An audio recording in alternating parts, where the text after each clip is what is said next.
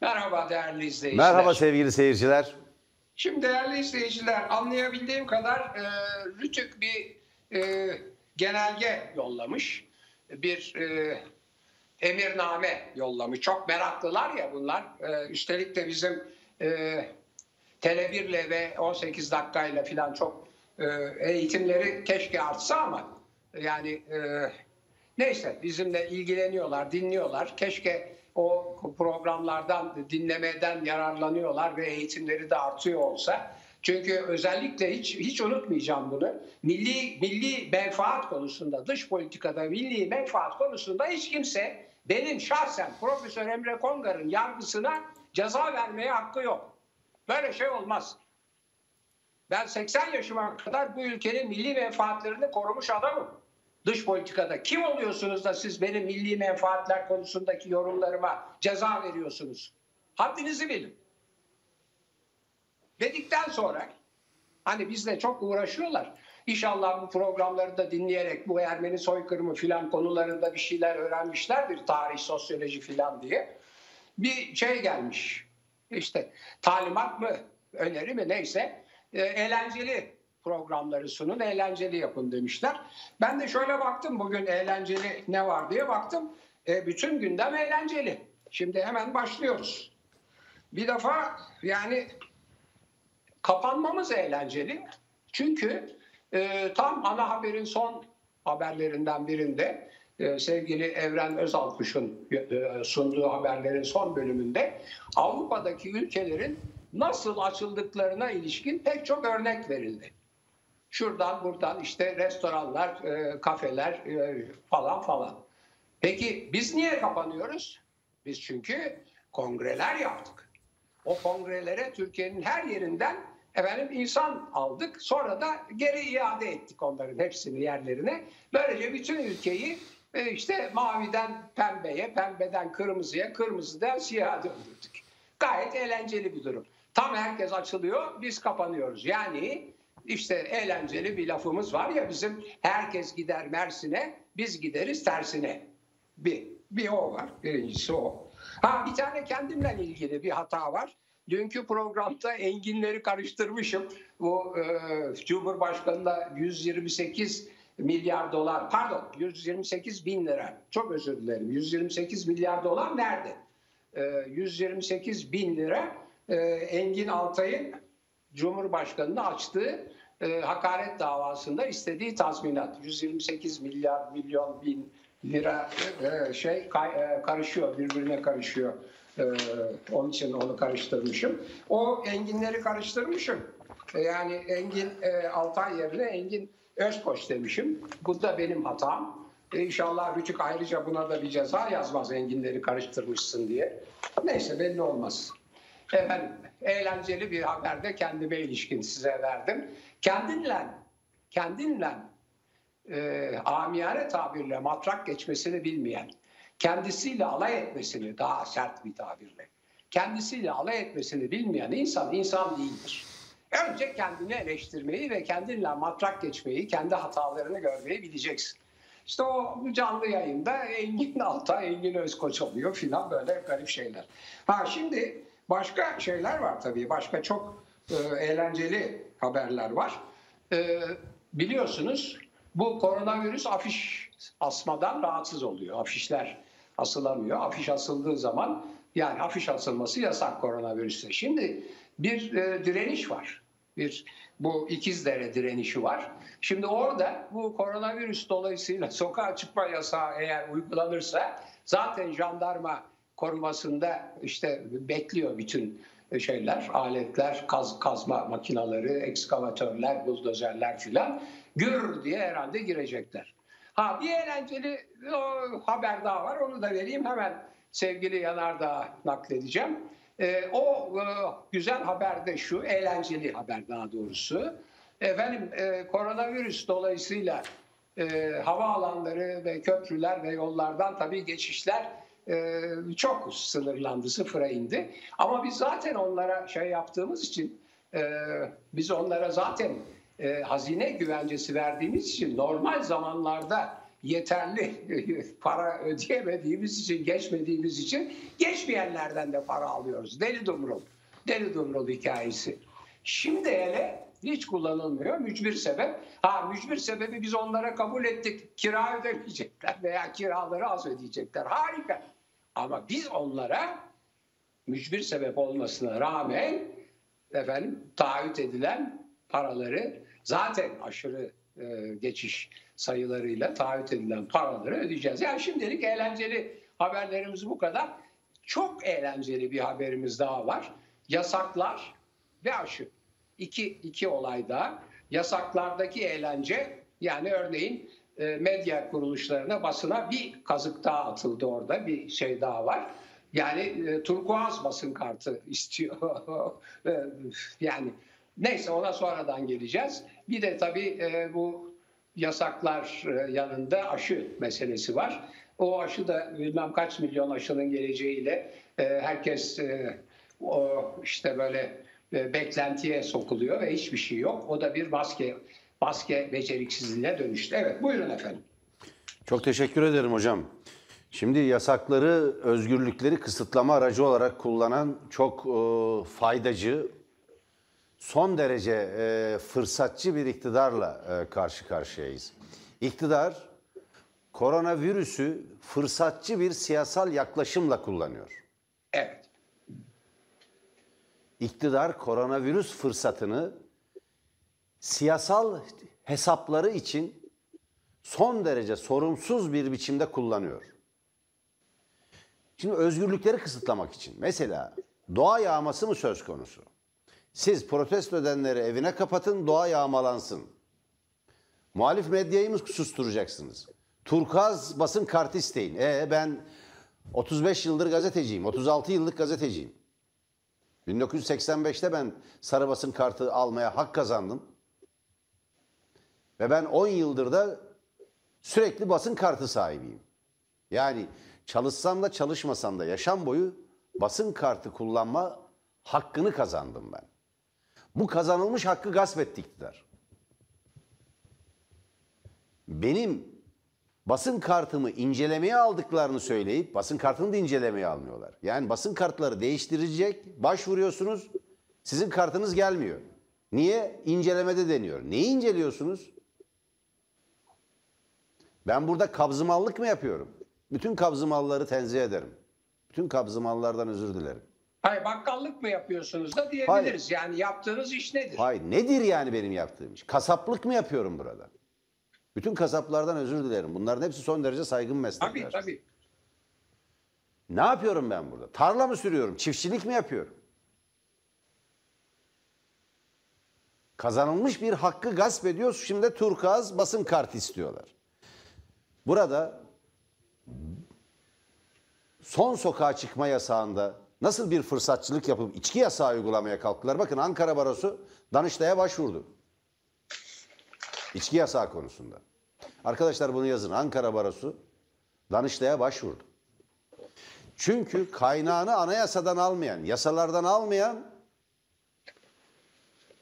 bir özgürlük iktidarın keyfi ve ideolojik tutumu nedeniyle gasp edilmeye çalışılıyor. Burada kimsenin içki içmesini teşvik yok. Bir özgürlük alanının savunulması söz konusudur. Hiç kimseyi ilgilendirmez. İktidarı hiç ilgilendirmez çünkü bize koronavirüsle alkollü içecekler arasındaki ilişkiyi bilimsel olarak ortaya koymak durumundadırlar. O zaman bütün dünyada, bütün yeryüzünde yasaklar, yasaklarsınız. Üstelik bu ülkeyi siz 21. yüzyılda çağdaş dünyanın bir parçası olduğunu iddia edip bir de turist çağırıyorsunuz. Turistler Taliban cumhuriyetlerine gitmezler. Hiç kimse gitmez. Bakın Türkiye'nin turist profili değişti. Turist profili değişti. Batılı, para harcayan, eğlence kültürünü bilen, alışveriş yapan turist gitti ve yerine Orta Doğu ülkelerinden gelen Evet. başka bir turist profili aldı. Şimdi böyle bir ideolojik fırsatçılıkla bu yasakları, e, bu koronavirüsle mücadeleyi bir araya getirip bu yasakları genişletmeye çalışan bir zihniyetle karşı karşıyayız. Turkuaz eee, ne diyelim basın kartı da aynen böyle. Hiçbir şey Tele1'in Tele1 gibi medya ortamında birer özgürlük penceresi açan, medyadaki olağanüstü savrulmaya karşı demokratik dengeyi kurmaya çalışan Tele1 gibi kanalların ve bağımsız diğer medya kuruluşlarının yayın yapmasını engelleyemeyecektir. Hiçbir şey. Hiçbir şey. Buyurun hocam. Evet, e, ben de tam bu noktada size bırakmıştım zaten. Onun için oradan müsaade ederseniz e, devam edeyim. E, bu turkuaz kart hikayesini biraz e, toplum bilimsel ve geçmişiyle ilgili olarak değerli izleyicilerimiz için anlatmaya çalışayım. Sevgili izleyiciler, e, bu 1961 Anayasası'nın özel TRT kurması, özel üniversite kurması ve medyaya yapılan büyük baskılara karşı medyayı biraz özgürleştirmesi için birkaç önlem alındıydı 1961 Anayasası'nda. Sonra da Ecevit de o sırada işte Çalışma Bakanı falan olunca hem işçi hakları, grev hakları hem medya çalışanlarının ki o zaman medya yok basın emekçileri var hakları genişletildi. Bunlardan bir tanesi 212 sayılı yasayla çalışan yani başka geliri ve başka işi olmadan gazetelerde çalışanların haklarıydı. Onlara özel tazminatlar, işte işten e, iş güvenceleri filan sağlandı ve bir de ta bu bütün dünyada çok uzun süredir bütün gazetecilere tanınan hakkı tanımak için bir de sarı basın kartı e, hakkı tanındı. Sarı basın kartı sanıyorum e, kamu ulaşım araçlarında, toplu ulaşım araçlarında bedava seyahat hakkı veriyordu. Zaten o zaman gazeteciler üç kuruşa çalışıyor. Yani para yok, pul yok. Gazetelerde öyle. Bir, yani toplu taşıma araçlarında ücretsiz gidiyorlardı. İki, işte herhangi bir yere, bir hükümet toplantısına, bir, bir, bir gösteriye, şuna buna e, şeysiz, polisin engeline tak, takılmaksızın hatta polis kendisini götürmek isterse ben gazeteciyim diye onu göstererek kurtuluyordu filan. Ben o şeyler içinde babam ve annem öğretmen de onların arkadaşları vardı gazeteci arkadaşları profesyonel yazarlar filan oralardan biliyorum. Hatta polisin biri git gazeteni başka yerde sat diye birisini azarlamış da güle güle adam anlatıyordu. Ya gazeteciyim dedim adam beni gazete satıcısı zannetti filan diye. Ve bu sarı basın kartları da e, yani e, başbakanlığa bağlı basın yayın genel müdürlüğü tarafından veriliyordu. İşte çalıştığınız müesseseden e, yazı alıyorsunuz. E, kendi çalışma geçmişinizi ve, başka belgeleri e, arz ediyorsunuz, veriyorsunuz, ibraz ediyorsunuz. Size bir basın kartı veriyorlar. Bir süre sonra sevgili Merdan Yanardağ'ın bahsettiği gibi sürekli basın kartı sahibi oluyorsunuz. Sanıyorum 10 yıl sonra filan. Yani Öyle bir süresi vardı onun. Artık ondan sonra ondan evvel her yıl yenileniyor. Hayır hocam 25 yıl sonra. Ben onları anlatırım hocam. Ayrıntılar biraz daha değişik, Öyle biraz mi? farklı. evet. Peki. 25 Ama yıl sonra. geliyor. Basın Tamam. kartı almak da o kadar kolay bir iş değildi. Ciddi bir süzgeçten geçer. Tamam. Bir kurul karar verirdi. Ankara ve İstanbul Gazeteciler Cemiyeti temsilcilerinin de yer aldığı, hükümet temsilcisinin bulunduğu, Türkiye Gazeteciler Sendikası yönetiminin bulunduğu, kıdemli gazetecilerin bulunduğu bir kurul tarafından verilirdi ve ağırlığı olan prestijli kartlar da onlar. Yani Evet, tabii. evet. Tabii hiç kuşku yok. Şimdi ben bir, bir o zaman hemen bağlayayım. Bu kadar lafı şunun için ettim.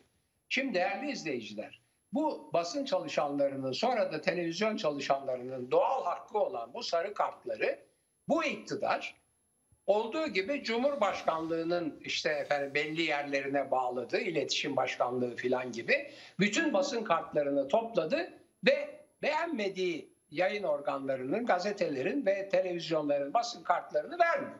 Bu kadar basit. Şimdi turkuaz basın kartı lafı bu demek.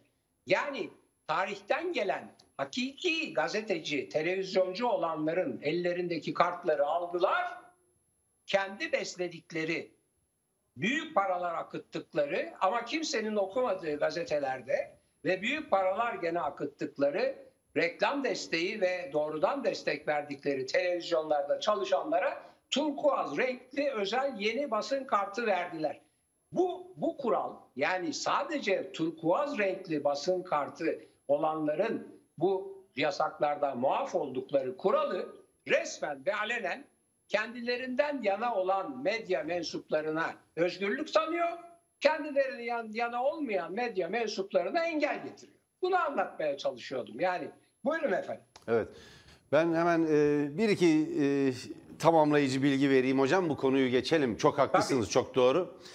Şimdi e, sarı basın kartları dediğim gibi devleti temsil eden Başbakanlık Basın Yayın Genel Müdürlüğü yetkilileri, gazeteciler e, cemiyeti temsilcileri, gazeteciler sendikası temsilcileri, basın ilan kurulu temsilcilerinin bulunduğu bir heyet tarafından 2 yıl 212 sayılı fikir işçiliği yasasına göre çalışan, 2 yıl boyunca çalışan bir gazetecinin o güne kadar ürettiği eserler değerlendirilerek verilirdi. Reddedilen çok gazeteci vardır, reddedilen. Örneğin magazin muhabirlerinin alması çok kolay bir iş değildi.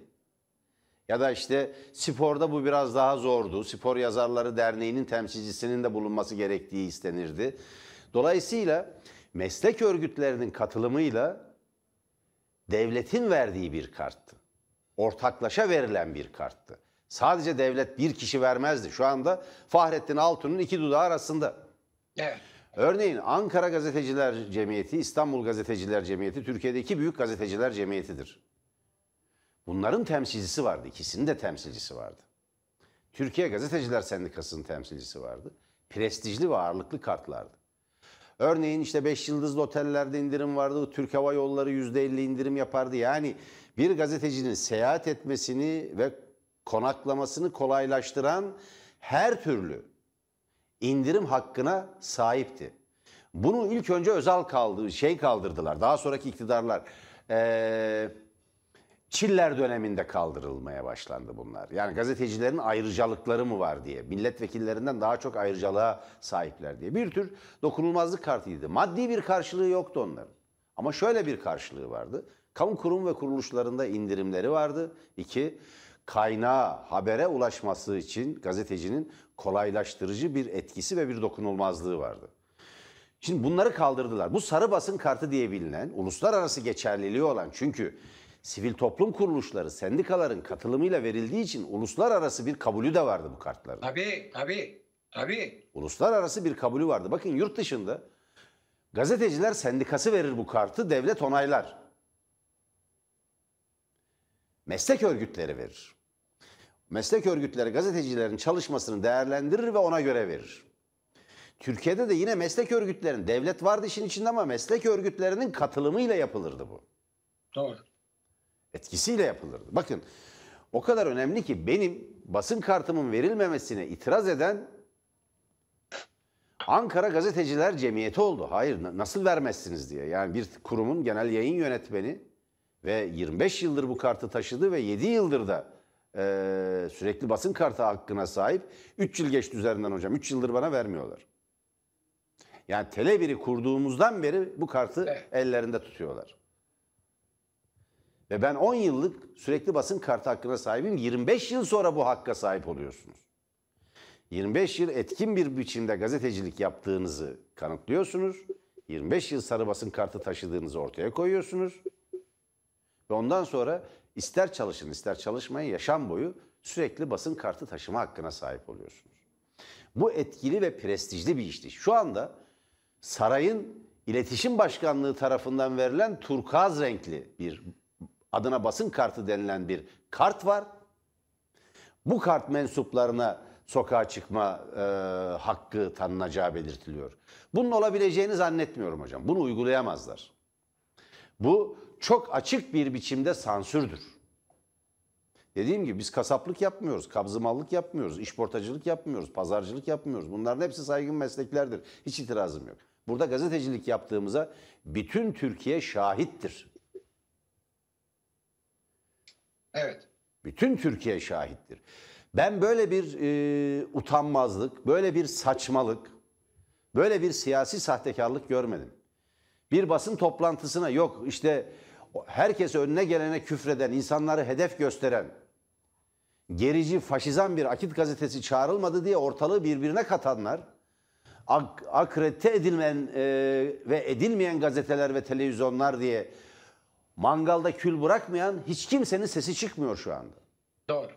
Böyle Doğru. bir saçmalık olmaz. Dolayısıyla hocam kastedilen budur üzerinde ben bunu uygulayabileceklerini zannetmiyorum. Üzerinde Ben çok ama- durma. Evet. Şimdi müsaade Ee, edersin. çok durmaya konuda- gerek yok üzerinde. Evet ben şeyi anlıyorum. Yani bu siz bunu biraz e, şahsınızla da ilgili bir olay olarak gördüğünüz için genel e, yayın ilkeleri, yorum ilkeleri sizin alçak gönüllülüğünüz açısından bunu belki fazla gündemde tutmak istemiyor olabilirsiniz. Ama bu fevkalade önemli. Çünkü demin söylediğiniz gibi bir nevi sansür olarak uygulanıyor. Şimdi değerli izleyiciler Rütük'ün söylediği eğlenceli haberler bölümüne geldik. Açıp bakıyorsunuz açıp bakıyorsunuz yasaklara. Diyor ki diyor ki gazeteler, televizyonlar, basım evleri, basım evleri, yayın evleri, çalışanları sokağa çıkma yasağından muaftır diyor. Yani yayınlanan genelge bu kuruluşlarda çalışanları muaf tutuyor. Genelgenin kendisi. Sonra Sonra ortalık karışıyor bilmem ne oluyor. Birisi işte o götürüp de tekel bayilerine imzalattıkları sözlü sözlü yasak gibi efendim işte içki yasağı ya- olacaktır ka- kapatılacaksınız falan filan gibi bir takım şeylerle tabii ne yapsın esnaf bir de zaten sıkıntıda ceza vermemek için mecburen uyuyor filan. Ondan sonra diyor ki tamam bu işte e, basın yayın bilmem ne organları filan onlarda çalışanlar e, muaftır ama benim izin verdiklerim diyor muaftır. Yani AKP kongresine gidiyorsan serbestsin kardeşim. Başka yerde öyle cart kongre, genel kurul falan yapamazsın. Yani tamamen o. Tamamen o. İşin işte eğlenceli eğlenceli tarafı bu. Yani içki yasağı.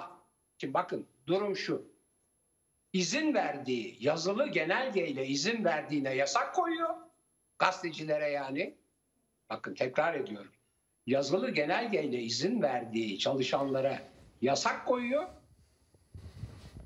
Genelgede yasak koymadığı içki satan zincirlere ve bakkallara sözlü yasak getiriyor. Yani genelgede yasakladığına sonradan izin veriyor. Genelgede izin verdiğine sonradan yasak getiriyor. Buyurunuz eğlenceli haber. Evet. Bundan daha eğlenceli bir şey olabilir Evet. mi? Buyurun efendim. Şimdi e, medyadan gidiyoruz madem. Son dönemde skandal denilebilecek hatta onu da geçen başka bir tablo var. Şimdi içki yasağına değerli seyirciler basit bir yasak, bir geçici önlem olarak bakmayın. İktidarın yediği bir işte nanelerden biri, işte yediği ya- yaptığı yanlışlardan biri diye bakmayın. İktidar rejimi değiştiriyor. AKP iktidarı AKP MHP iktidarı Cumhuriyet rejimini, Cumhuriyet rejimiyle elde edilen kazanımları daha geniş bir perspektiften bakarsak insanlık tarihinin, insanlığın bütün ilerici birikimini imha ederek rejimi değiştiriyor.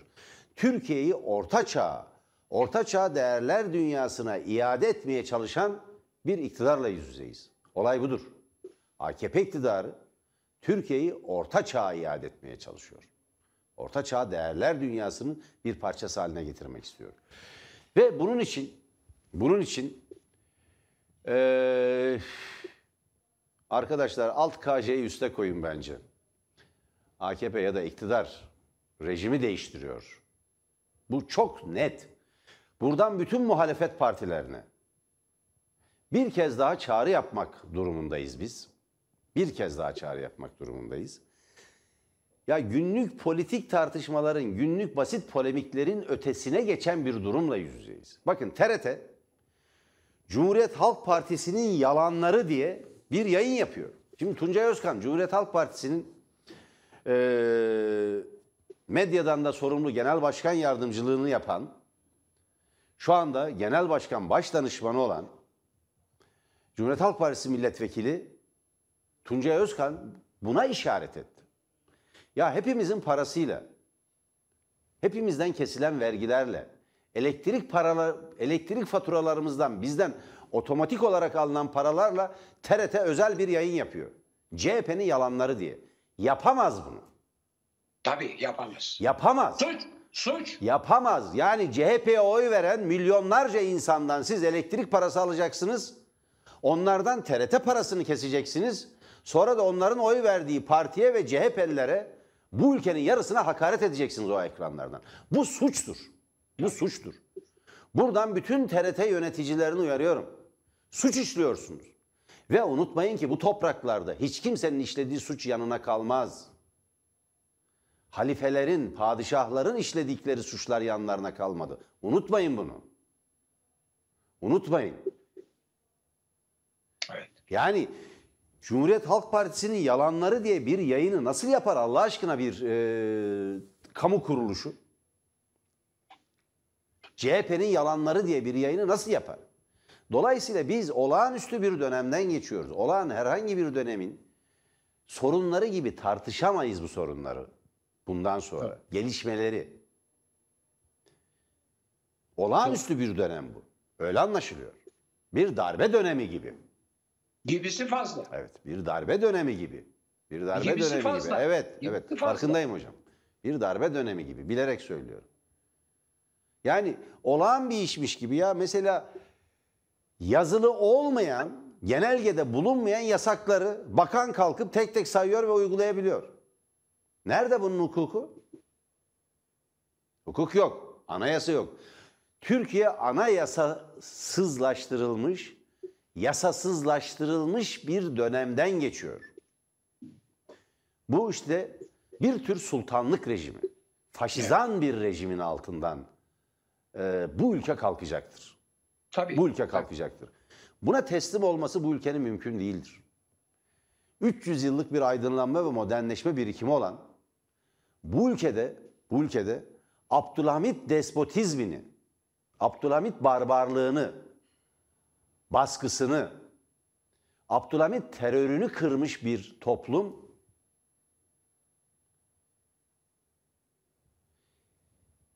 anayasasızlaştırılmış yeni bir döneme 21. yüzyılın ilk çeyreği tamamlanırken izin vermeyecektir. Demokratik bir biçimde adalet ve hukuku bu ülkede yeniden tesis edeceklerdir. Bundan emin olabiliriz.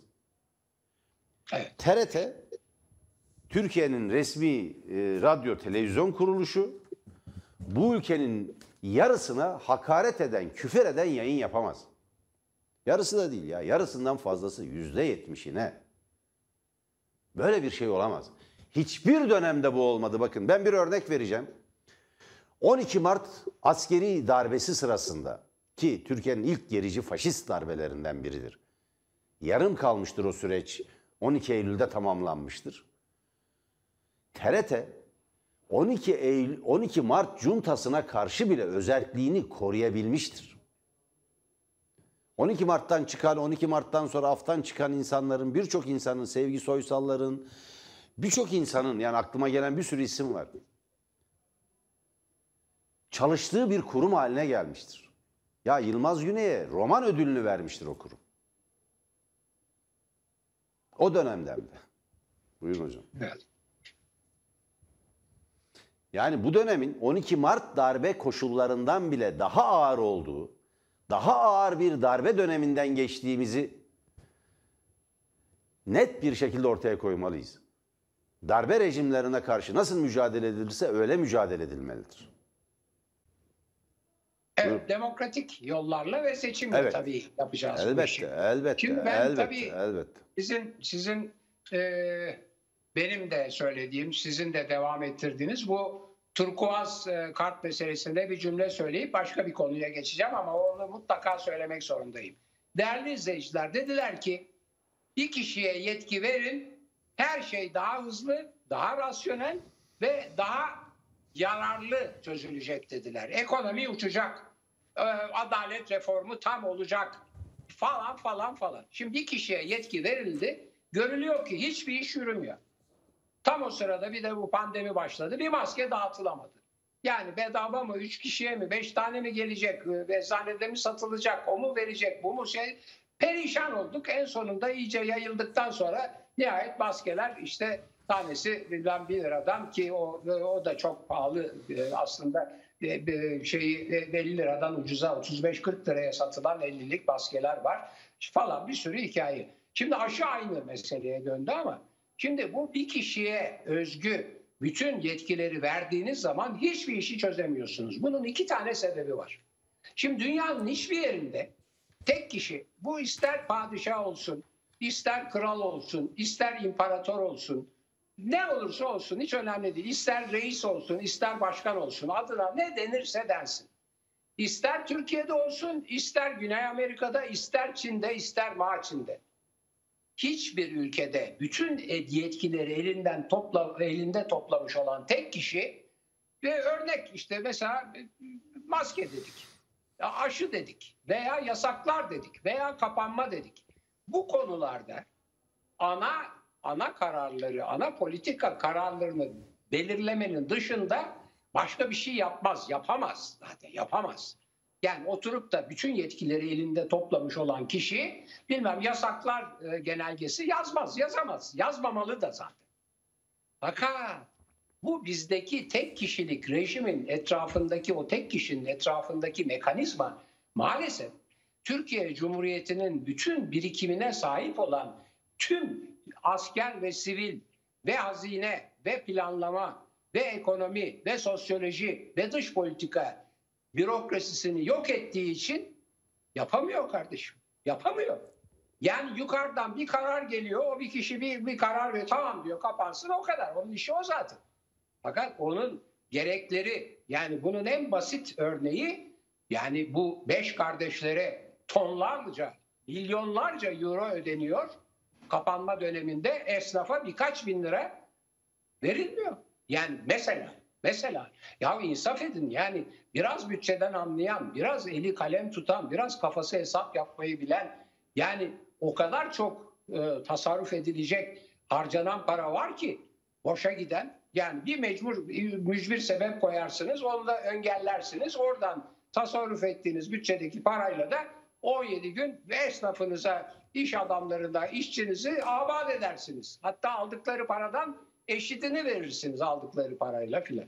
Bunu yapamıyorlar. Şimdi bu şey meselesinde e, medya mensupları meselesinde ben yapılacak işi söyleyeyim. Madem yüzlerine gözlerine bulaştırdılar ve madem gene yani AKP'liysen kongreye gitme serbest ama değilsen gidemezsin gibi. AKP'nin Tabii aynen öyle hocam. AKP'nin medyasındaysan çıkabilirsin, değilsen çıkamazsını halletmenin derhal derhal yarın derhal yarın İçişleri Bakanı bunlar o yayınlıyor çünkü oradan yayınlanıyor her kimse İçişleri Bakanı derhal bir genelgeye ek yayınlayacak diyecek ki her medya mensubu gazeteci veya televizyon çalışanı çalıştığı müesseseden görevlendirme yazısı yanında olmak kaydıyla çıkabilir. Bu kadar basit. Bu kadar basit. Tabii burada şimdi Rütük'ün eğlenceli haberler bölümüne geliyoruz. Mesela e, Tele1'de çalışanlar için görevlendirme yazısını verecek olan Mehdan Yanardağ evet e, turkuaz kartı yok. E ama ama e, işte buranın yöneticisi o. E işte gülünç haberler dediler. Buyurun size bir gülünç haber daha. Buyurun efendim. Şimdi hocam dün sözünü ettik. E, Rütük bize yine ağır bir ceza kesti. Bu ağır ceza da aynı mantıkla kesiliyor. Bakın değerli seyirciler o yazı bir kez daha belirteyim. Rütük Türkiye'de oyunu bozan, iktidarın oyununu bozan, bu yanıyla bütün diğer bağımsız medya kuruluşlarından daha farklı ve özel bir yer olan Tele1'e karşı adeta savaş açmış durumda. Niye? Çok açık. Çünkü o büyük yalanı ortaya çıkaran ve oyunu bozan bir işlevi var. Tele1 haberciliğinin, Tele1 programcılığının, Tele1 gazeteciliğinin, Tele1 yayıncılığının.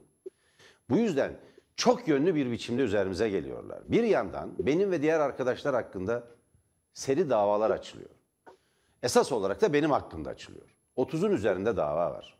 Bu davayı avukatlarımız aman atlamayalım, takipten gözümüzden bir şey kaçmasın diye titizlikle takip etmeye çalışıyorlar. Ben takip etmeye çalışıyorum. Her arkadaşımıza yönelik böyle suçlamalar var, soruşturmalar var. Bir tanesi bu. Diğeri rütüğün cezaları, bir başkası hakkımızda mali inceleme.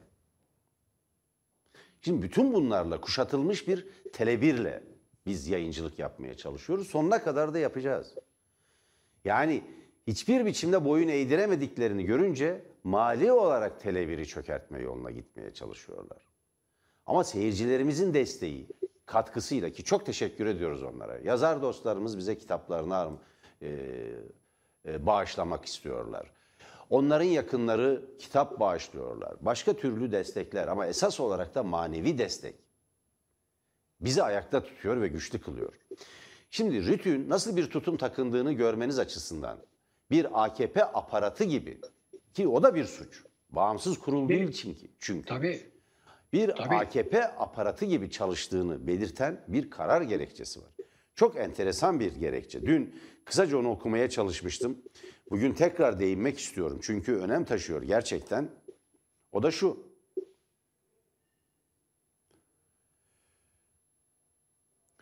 Rütük diyor ki Rıfat Serdaroğlu Ankara Rüzgarı programına katılıyor. Bakın değerli seyirciler. Tele1 yorumcusu, herhangi bir Tele1 e, programcısı da bunu söylemiyor. Programa konuk olarak katılan e, birinin Rıfat Serdaroğlu'nun eski Sağlık Bakanı, Demirel'in yakın e, çalışma arkadaşlarından biridir Süleyman Demirel. Yani merkez sağ bir politikacının bile sözlerini muhalif yani mevcut iktidara eleştiri yöneltmesini hazmedemeyen bir tutum var.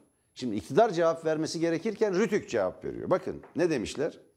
Söz konusu siyasi partinin yani AKP'nin yani Rıfat Serdaroğlu'nun eleştirdiği AKP'nin toplum nezdindeki itibarını zedeleyici bir niteliğe sahip olduğu yayının, Tele1 yayınının ve ifade özgürlüğü kapsamında değerlendirilmesinin mümkün olmadığı gerekçesiyle Tele1'e idari para cezası verilmesine karar verildi. Ya ben anlamadım. Şimdi söz konusu siyasi partinin toplum nezdindeki itibarını zedeleyici bir niteliğe sahip olduğu sonucuna Rütük nasıl vardı? Rütük bir mahkeme mi?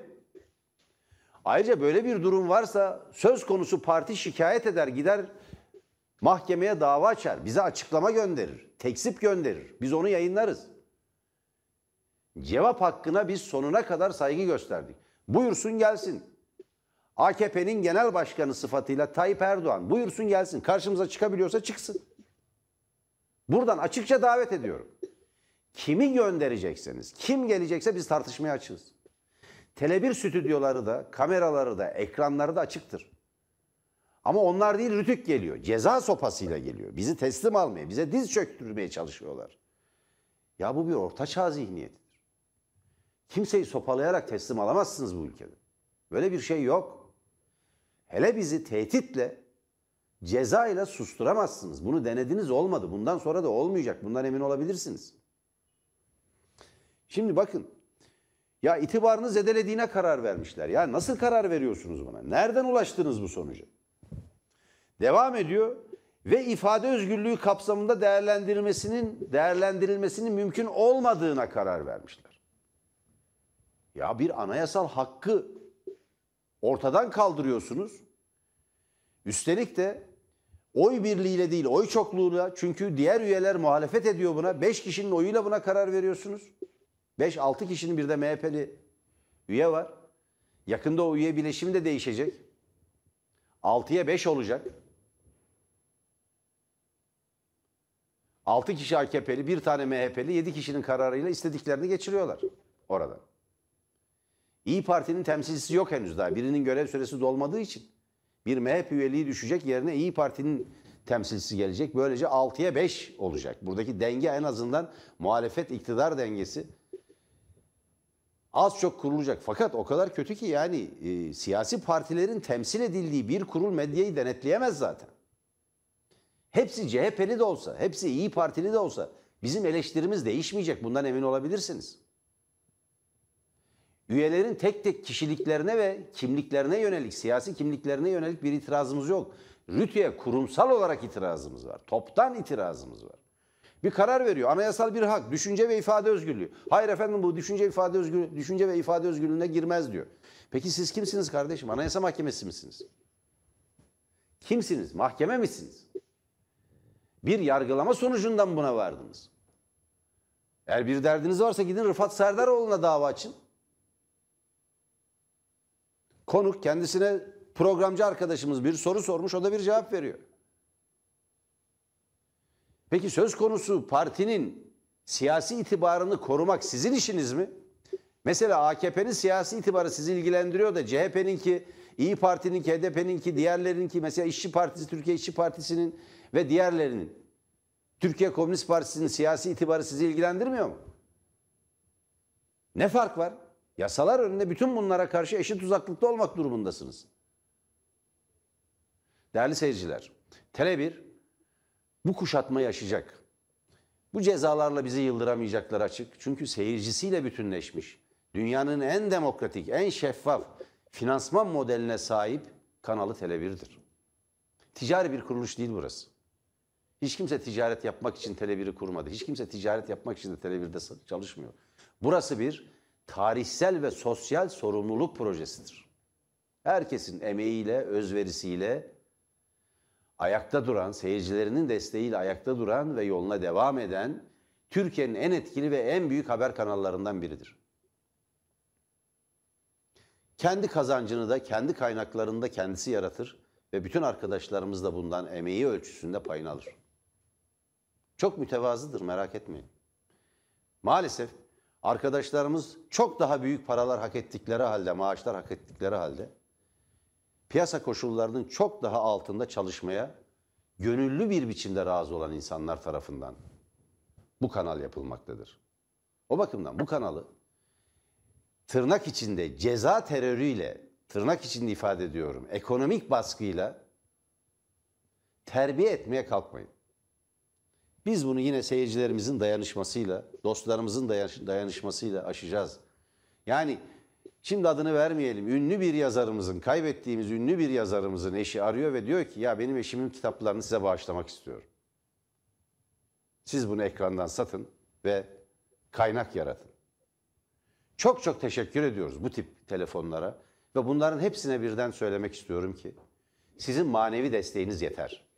Manevi desteğiniz yeter. Bu mücadeleyi hep birlikte sürdüreceğiz.